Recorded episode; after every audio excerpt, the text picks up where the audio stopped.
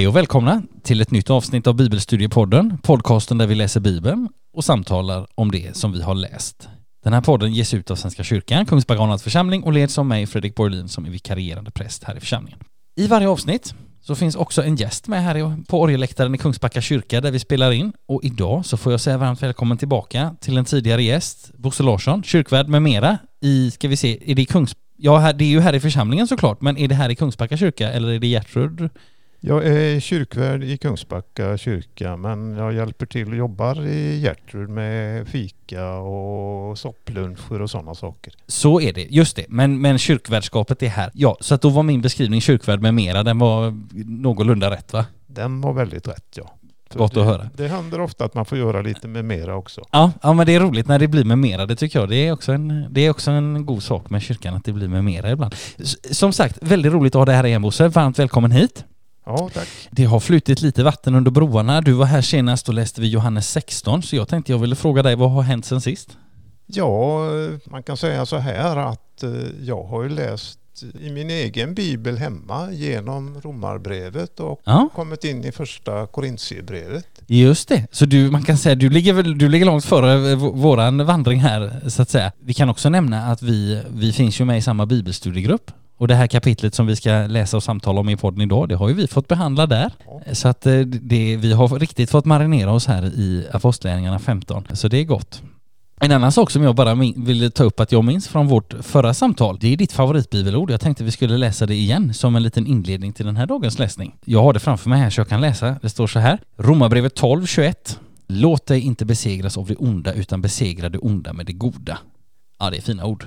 Det är fina ord och jag tänkte på det idag för jag eh, av någon anledning tittade i ett av evangelierna. Ja. Och då säger Jesus just det att man ska be för den som förföljer en, den ja, som man tycker är ond mot en. Ja precis, och, det, och där, det, och precis, det ligger i samma härad som detta. Verkligen, där finns ju en jättetydlig koppling. Och, och så kan man ju fråga sig så här, och hur gör man då det? Ja, ett svar på den frågan, liksom hur kan jag inte låta mig besegras av det onda utan besegra det onda med det goda? Hur gör man då det? Ja, ett svar är Gud vill hjälpa oss med det. Han står med, för det har han lovat. Och det är gott att, att få tänka på. Och Jesus har sagt det.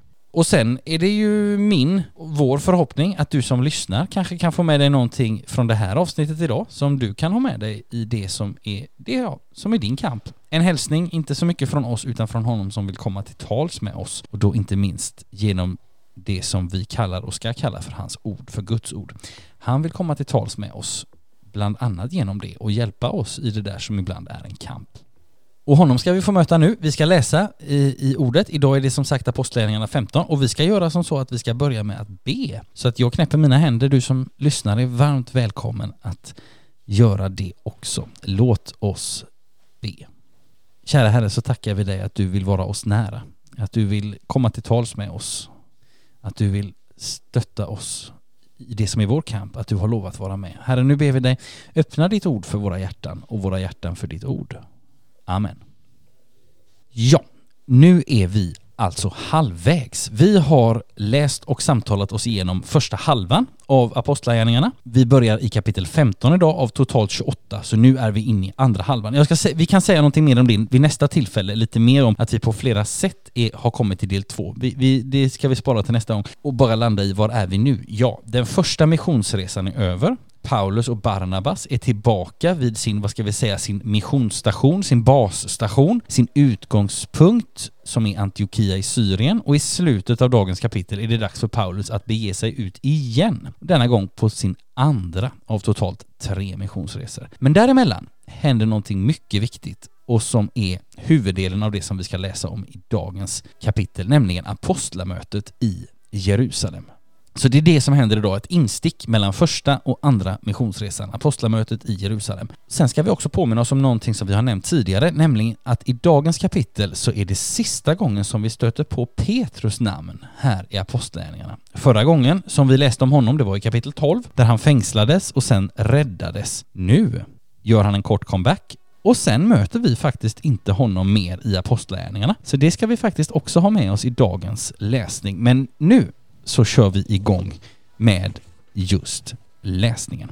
Dagens kapitel består i Bibel 2000 som vi kommer att läsa ifrån. Den består av tre avsnitt och det är Bosse som kommer att läsa idag. Mycket glädjande. Och jag ska bara säga ytterligare någonting kort innan vi, får, innan vi lyssnar till när Bosse läser det första avsnittet och det är att apostlamötet i Jerusalem som vi ska läsa om nu, det är en av de stora och viktiga händelserna i apostlärningarna. Inte minst så handlar det om detta med hedningarnas omskärelse som vi alldeles strax ska dyka ner i. Vi ska också påminna oss om en annan sak före vår läsning. Vi har tidigare nämnt detta att när vi läser apostlagärningarna då behöver vi också ha med oss breven i Nya Testamentet lite grann i bakhuvudet. Det här kan ju bli som en, en stor värld att låsa upp men och, och så det kan ta lite tid att få koll både på breven och apostlagärningarna för det är mycket text. Men det bästa man kan göra om man vill komma till en till en målpunkt, det är att börja promenera. Så vi, det försöker vi göra här. Vi, vi påminner oss lite grann då och då om att apostlagärningarna och breven hänger ihop. För det kan ibland hjälpa oss att lägga det här pusslet som är apostlagärningarna och som är den tidiga kyrkan. Att det är både apostlagärningarna och så är det breven. Där får vi liksom det ena ger oss nycklar till det andra. Och vid sidan om allt som inte minst Paulus sa och gjorde och som vi får läsa med apostlagärningarna så skrev han ju också brev. Den biten är också en del av den framväxande kyrkan. Och varför påminner vi oss om detta just nu? Jo, för att strax före eller strax efter det här apostlamötet som vi alldeles strax ska få höra Bosse läsa om, så skriver Paulus Galatbrevet där inte minst frågan om detta med hedningarnas omskärelse behandlas, som också behandlas väldigt tydligt under apostlamötet som vi ska läsa om nu. Så nu ska vi läsa om detta möte. Några som hade rest ner från Judeen ville lära bröderna att de inte kunde bli frälsta om de inte lät omskära sig efter mosaiskt bruk.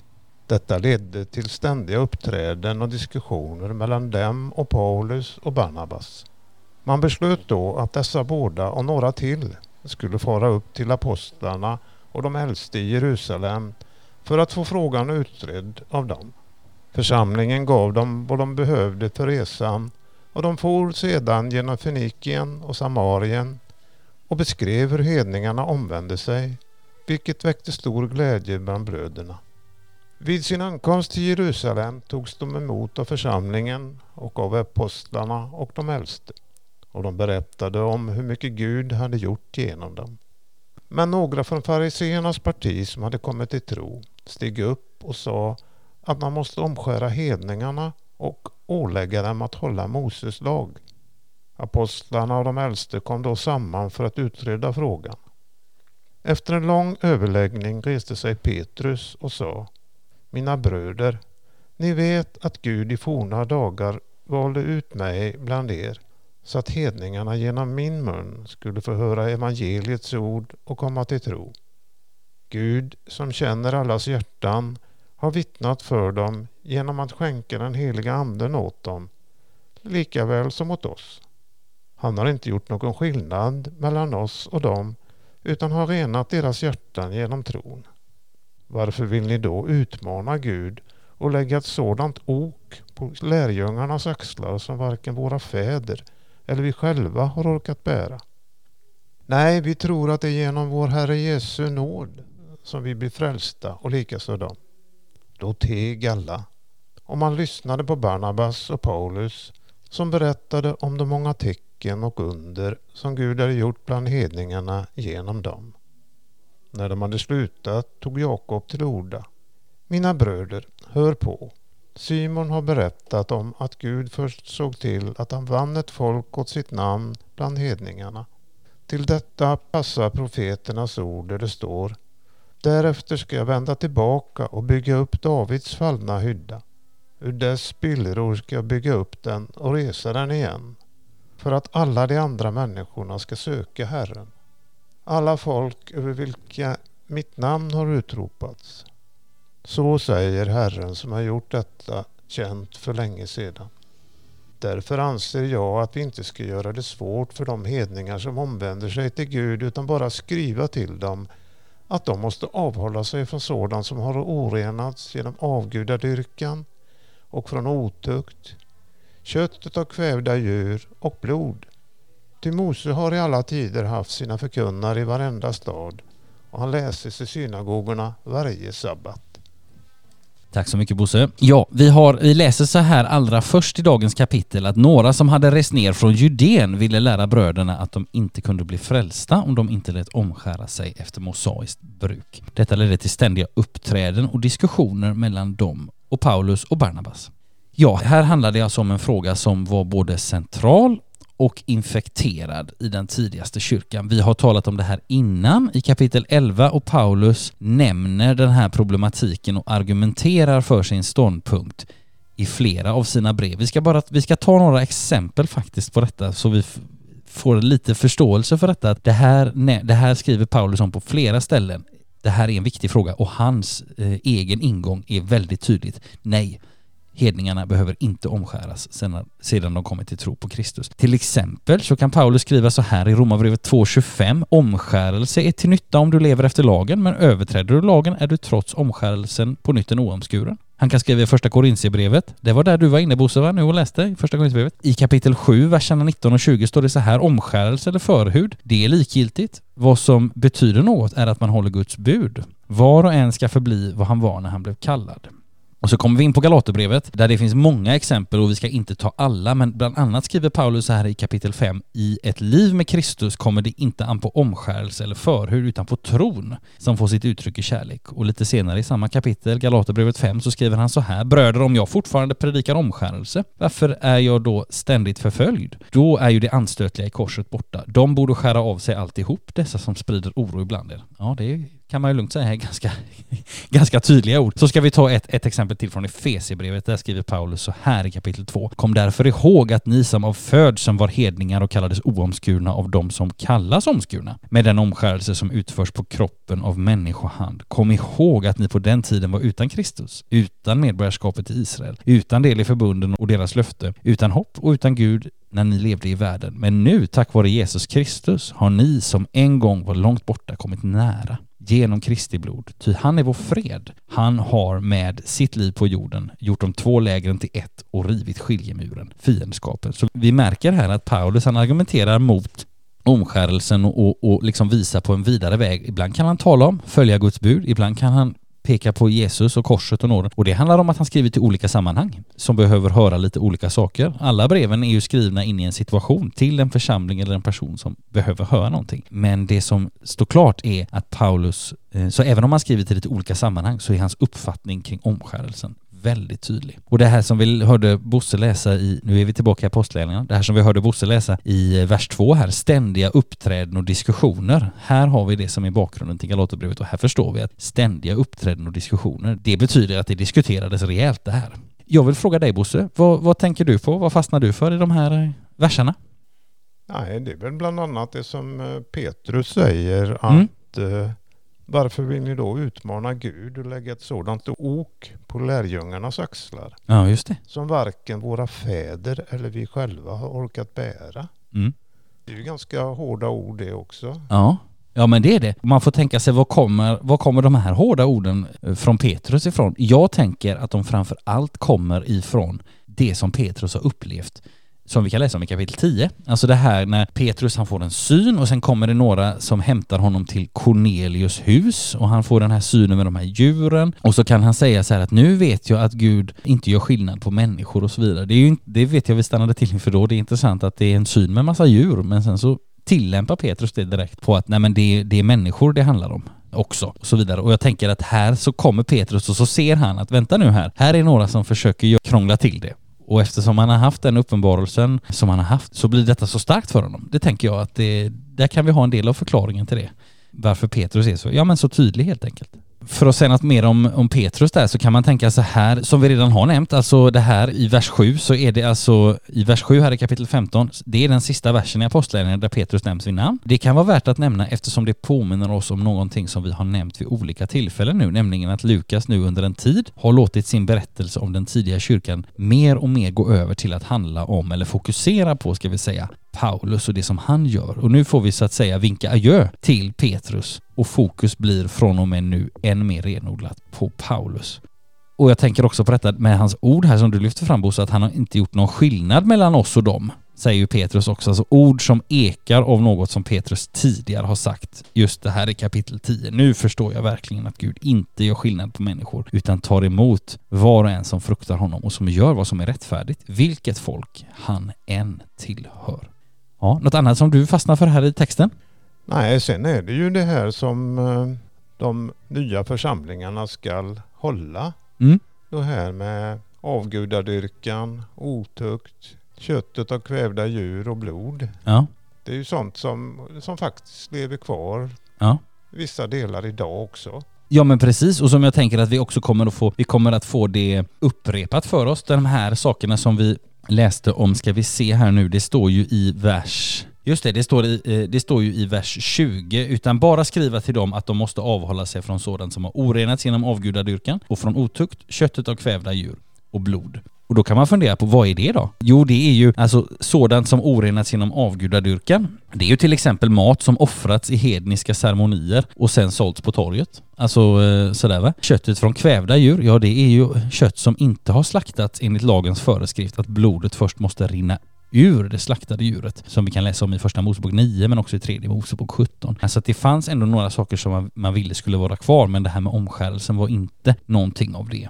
Och jag tänker det är intressant också detta att Petrus säger så här, därför anser jag att vi inte ska, ska vi se, är det Petrus som säger det eller är det någon annan? Nej, det är faktiskt Jakob som säger det. Aposteln Jakob, han säger ju så här, men det är ju lite på, samma, lite på samma tema. Därför anser jag att vi inte ska göra det svårt för de hedningar som omvänder sig till Gud. Alltså det är ju inte sällan just precis det som Jesus anklagar sina motståndare för att göra. Det vill säga göra det svårt för människor att komma till Gud. Vi kan tänka på i Matteus 23 så står det så här. Sedan talade Jesus till folket och sina lärjungar och sade, de skriftlärda och fariseerna har satt sig på Moses stol. Gör därför allt vad de lär er och håll fast vid det, men handla inte som de gör, för de säger ett och gör ett annat. De binder ihop tunga bördor och lägger dem på människornas axlar, men själva rör de inte ett finger för att rätta till dem. Också viktigt, tänker jag, att vi idag har den här viktiga principen i åtanke. Vi skulle kunna tänka så här, varför? För det var ju lite din fråga här för att, eller som du väckte här för en stund sedan Bosse, att det är ganska hårda ord som Petrus säger.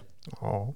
Och att vi kan både tänka på att det, det har med vad han har varit med om innan här i Apostlagärningarna att göra. Men också tänker jag att han har ju hört Jesus säga detta i Matteus 23.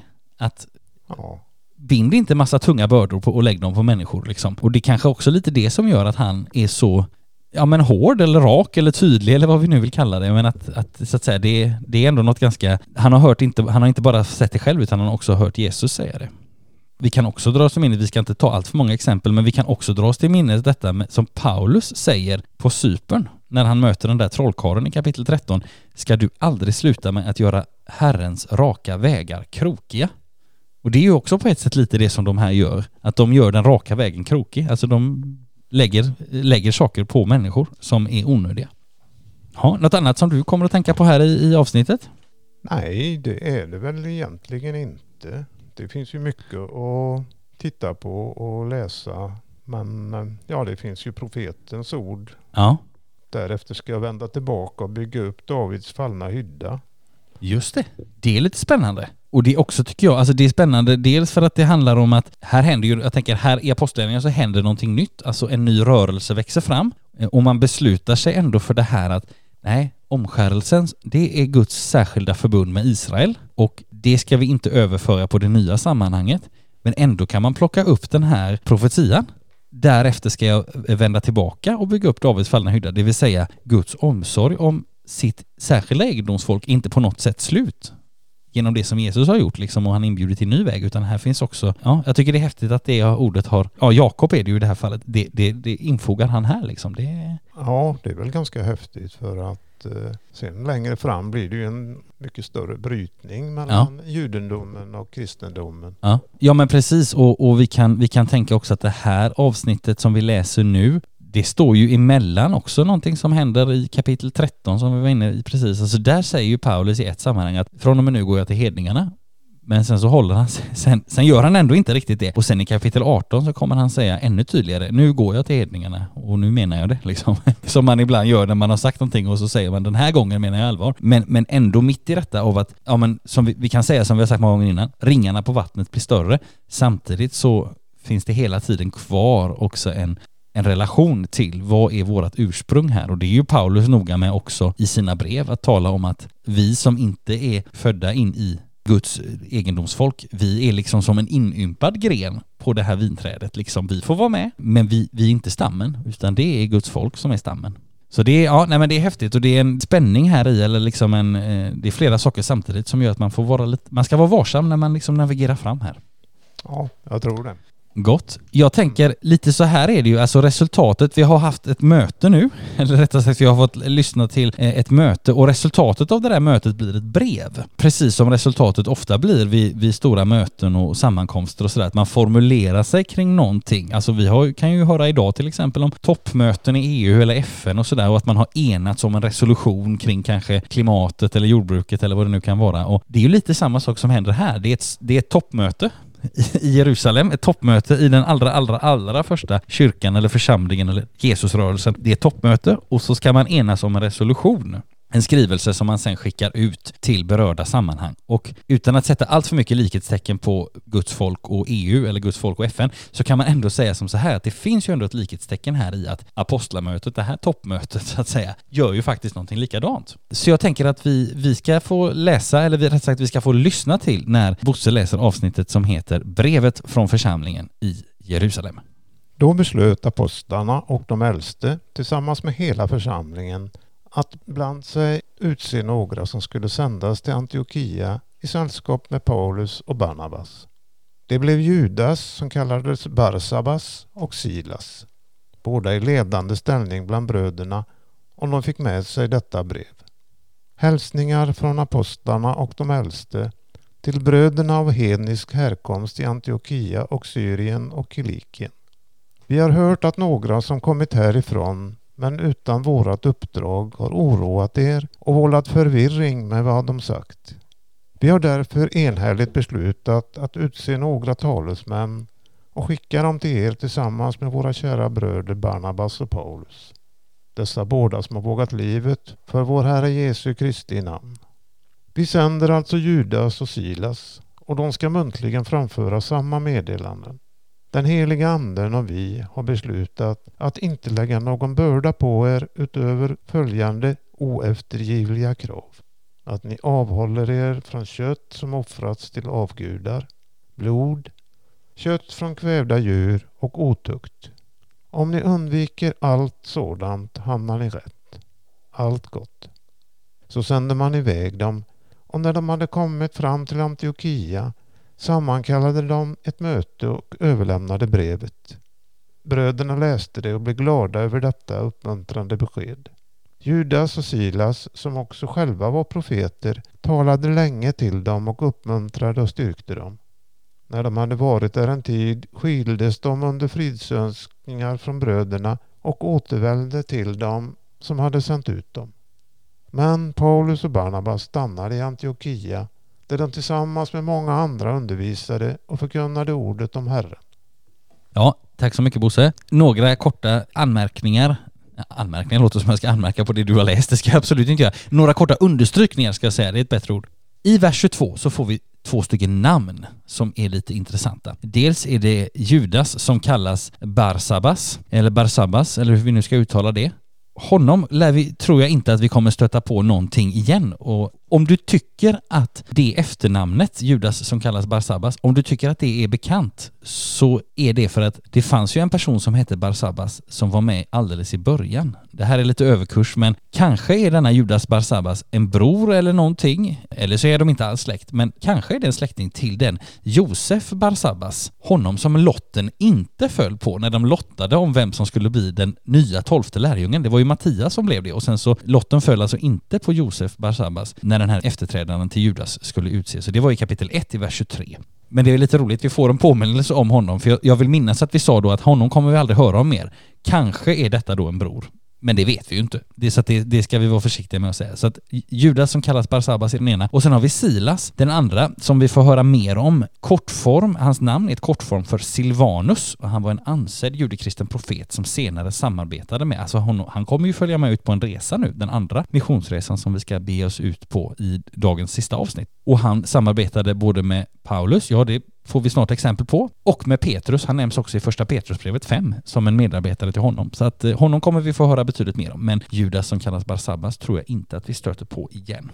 Sen är det en liten, ja, fast, nej det ska vi spara till sen. Jag vill fråga dig först Bosse, vad tänker du på i, i fastnar du för något i de här verserna?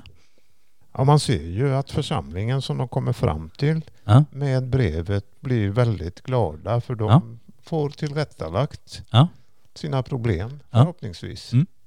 Ja men precis, och jag tänker att vi har ju, vi har ju pratat om apostlärningarna, att det också är en bok som kan hjälpa oss och lite så här, få lite tips om hur ska det vara i en församling? Och när vi tittar bakåt i apostlagärningarna så är det mycket så här att ja men det är gemenskap och de, de sålde allt de ägde och de höll ihop och det, de ber tillsammans. Alltså det är många sådana saker. Här får vi faktiskt ett annat exempel lite grann på hur liksom församlingen fungerar. Det vill säga att här är det ett sammanhang som ber om hjälp. Hur ska vi göra med den här frågan? Och sen så skickar liksom, vad ska vi säga, moderförsamlingen eller ja, urförsamlingen nu som de skickar ett brev och precis som du lyfte ut, de blir glada. Vad skönt att vi fick utrett detta nu så att vi vet hur vi ska göra. Alltså det kan ju vara väldigt gott ibland att få vägledning i någonting som man inte riktigt vet hur man ska göra. Och det är ju också faktiskt ett exempel på hur kyrkan liksom växer fram. Det handlar framför allt om, tror jag, om gemenskapen och hur det är på en viss plats och vid något tillfälle så utser man ju de här sju församlingstjänarna som ska ordna med eh, den dagliga utspisningen. Det är väl kapitel, ska vi se, det är väl sex eller sju där någonstans. Men här är det också en sån här att, ja men här så ställs en fråga åt ett håll och så kommer det ett svar tillbaka. Det är också en del av hur liksom kyrkan växer fram, att man, ja, att eh, det är också, det är också en del av församlingen så att säga. Så det är spännande att tänka på.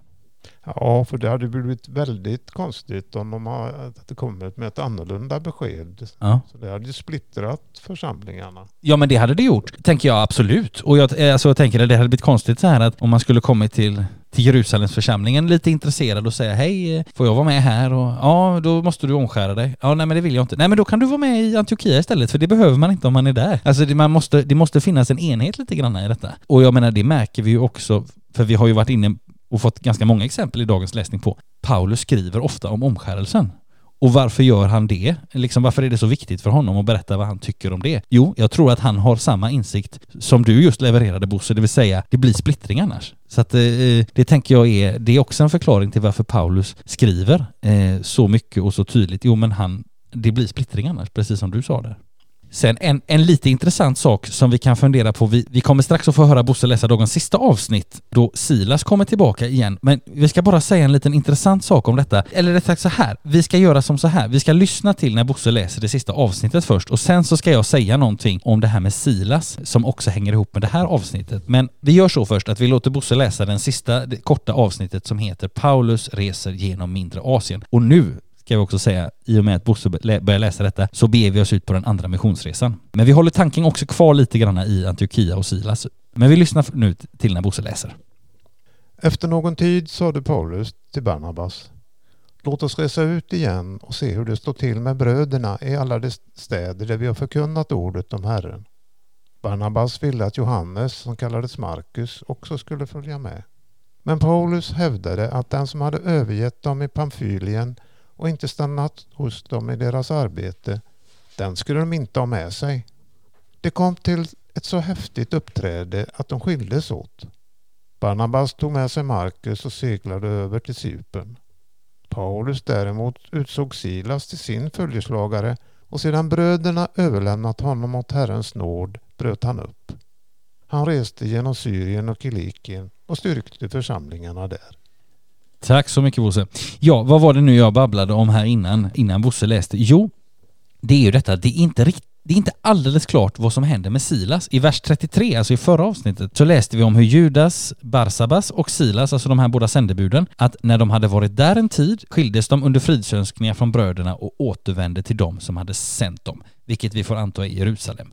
Paulus och Silas stannar kvar i Antiochia och, för, och sen så hör vi om hur Paulus snart är sugen på att bege sig ut igen. Och i vers 40 nu här i det andra, i det sista avsnittet här så utser ju Paulus dock Silas, alltså han som har begett sig till Jerusalem, till sin följeslagare. Så att om Silas följde med tillbaka till Jerusalem så återvände han alltså strax därefter till Antiochia igen. Och då kan man fundera på, ja, det är ju uppenbart att han återvänder så varför behöver vi säga någonting av det? Jo, det är det här problemet som gör att vissa handskrifter, alltså vissa urkunder till Nya Testamentet, lägger till vers 34. För i många biblar, i Bibel 2000 och i folkbiblarna, både 98 och 2015 tror jag, så finns inte vers 34 med. Så har du en bibel framför dig nu så kan du se om du hittar ett nummer 34. För den har inte kommit med, för den menar man, den är, den är ett senare tillägg. Och det senare tillägget kan översättas ungefär så här. Men Silas beslöt att stanna kvar där, alltså i Antiochia då. Så av den anledningen så finns inte vers 34 i till exempel Bibel 2000 eller i folkbibeln. Men kan vi säga, det fick vi lära oss på senaste bibelstudiet, den finns i Karl XIIs bibel. så att den, den, har, den har funnits med så att säga, men har plockats bort för att man har tittat i handskrift och sagt att nah, i de allra äldsta så finns inte den här med. Och det är också ett exempel på, vad ska vi säga, medeltida kopieringsapparater, det vill säga munkar, ibland var lite mer kreativa än vad kopieringsapparater är idag. Det skulle vi kunna säga mycket mer om, men det ska vi faktiskt inte göra nu. Det kanske vi får anledning att ta upp en annan gång. Nu vänder vi blicken helt och fullt mot det som Bosse läste här allra sist. För nu inleds ju någonting nytt, det, nämligen det som brukar kallas för Paulus andra missionsresa av totalt tre. Och vi ska bara försöka strukturera upp de här två resorna lite, lite grann. Alltså den första resan pågår i Apostlagärningarna 13 och 14. Paulus och Barnabas sänds ut från Antiochia i Syrien och avslutar resan i Antiochia i Syrien. Så det är deras bas, deras missionsstation, utgångspunkt, som vi sa redan i början idag. Och under den här resan börjar också Saul uppträda eller verka under namnet Paulus. Det är också en sån här grej som händer första missionsresan. Den, den resan den går till Cypern och sen till ett flertal platser i dagens Turkiet eller dagens södra Turkiet kan vi till och med specificera ner det till. Och sen har vi kommit dit vi är idag. Sen följer det här apostlamötet i Jerusalem här i kapitel 15 och det blir lite som en, en, en mellanstation eller vad vi ska säga. Och så nu då, mot slutet av kapitel 15 så beger sig Paulus ut på den andra missionsresan som varar till och med en bit in i kapitel 18. Och också den här resan både börjar och slutar i Antiochia i Syrien. Men färden går över, det ska vi ha klart för oss redan nu, färden går över betydligt större områden. Från Antiochia nere i, vad blir det nu, nere i, i sydöstra hörnet av dagens Turkiet. Och så går den här resan genom diagonalt upp genom hela, hela dagens Turkiet och sen så rundar man så att säga det Egeiska havet. Det underlättar om du har en karta framför dig nu, du som lyssnar, men vi får försöka återberätta så gott det går med ord. Man rundar hela Egeiska havet, alltså upp till Makedonien norr om Egeiska havet, ner längs Greklands östra kust till Aten, till Korint och sen med båt österut över Egeiska havet till Efesos återigen då alltså i dagens västra Turkiet och sen vidare via ytterligare några stopp över Medelhavet ner till Caesarea, och Jerusalem och sen landvägen upp till Antiochia i Syrien igen, där liksom resan avslutas. Så att det är över betydligt större områden som den här andra missionsresan går. Och sen så har vi den tredje missionsresan, men den tar vi då. Vi ska inte föregripa det nu. Men jag vill fråga dig Bosse, vad tänker du på i det här sista avsnittet? Ja, det är väl egentligen att Paulus och Barnabas skiljs åt. Det vill ja. säga de har ett meningsutbyte som gör att de eh, åker var och en åt sitt håll. Ja, det, och det finns inte så mycket vi kan säga som kan tillrättalägga det. Utan eh, blir man så häftiga ovänner att man inte ens kan vara, att man skiljs åt och far åt olika håll. Paulus ut på sin andra missionsresa och Barnabas får vi ju anta då, för han tar ju med sig den här Johannes Markus.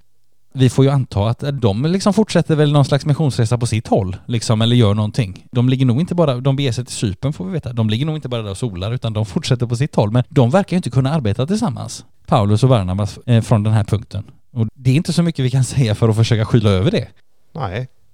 Kan det vara så att Paulus hade, kunde ha ganska häftigt humör? Man kan, vi har ju läst tidigare idag om det här med det blev ständiga diskussioner och uppträden. Det vet jag att eh, det hörde vi ju dig läsa Bosse i Ska vi se, det var vers, ja det var ju vers två i dagens, alltså att det var ständiga, nu står det inte att det var ständiga uppträden och diskussioner där Paulus alltid var inblandad. Så läste vi ju inte. Men vi kan nog anta att Paulus diskuterade och jag menar, vi hörde också vad han skrev i Galaterbrevet om att de borde skära av sig alltihop. Så att det, det, det, vi får vi nog tänka att det här var en, Paulus var förmodligen inte en person som saknade temperament helt och hållet så att säga. Ska, ska vi likna honom vid en mejeriprodukt så var han nog inte mellanmjölk tror jag, utan han var nog snarast någon syrad grädde eller någonting. Men, men eh, för att använda en sån bild. Men nej, så det, det tror jag är ett helt korrekt slutsats.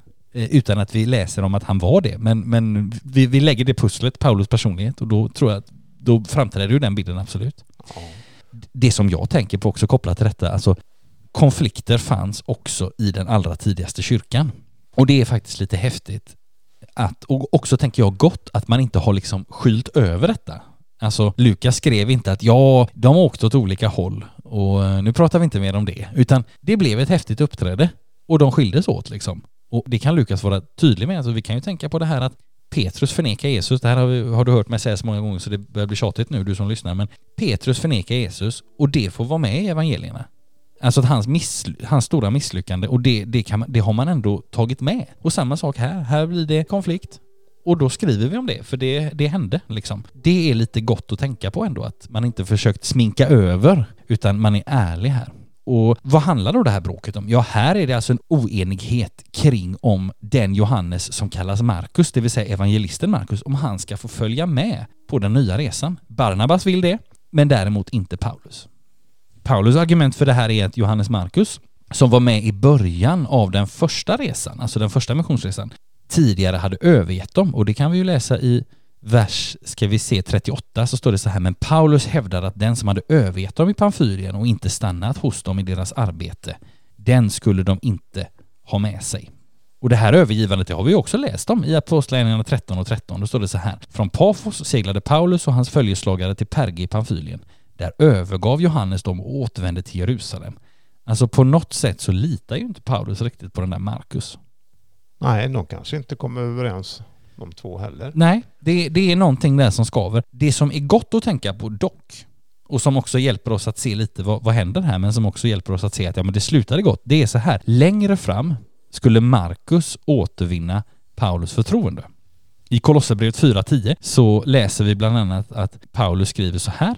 Min medfånge Aristarkos hälsar er och likaså Markus, Barnabas kusin.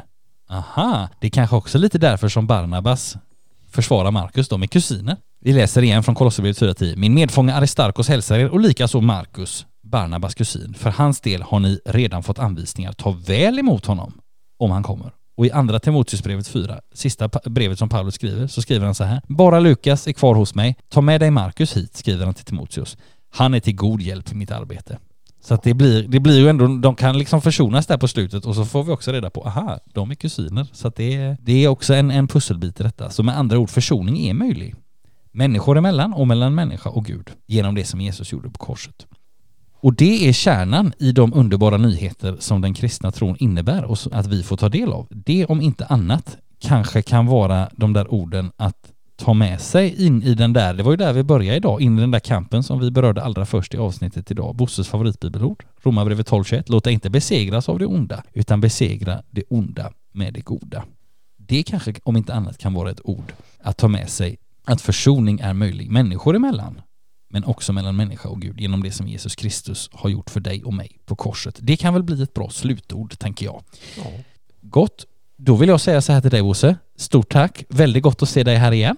Ja, tack. Om vi möts fler gånger i det här sammanhanget så får vi se var du är i din bibelläsning då. Ja. ja. Och till dig som har lyssnat så vill jag också säga ett stort tack. Jag hoppas att du har fått med dig någonting ifrån dagens läsning, samtal som jag och Bosse har haft här. Tills vi hörs nästa gång, vilket jag hoppas att vi gör, så önskar både jag och Bosse dig som har lyssnat allt gott och Guds rika välsignelse.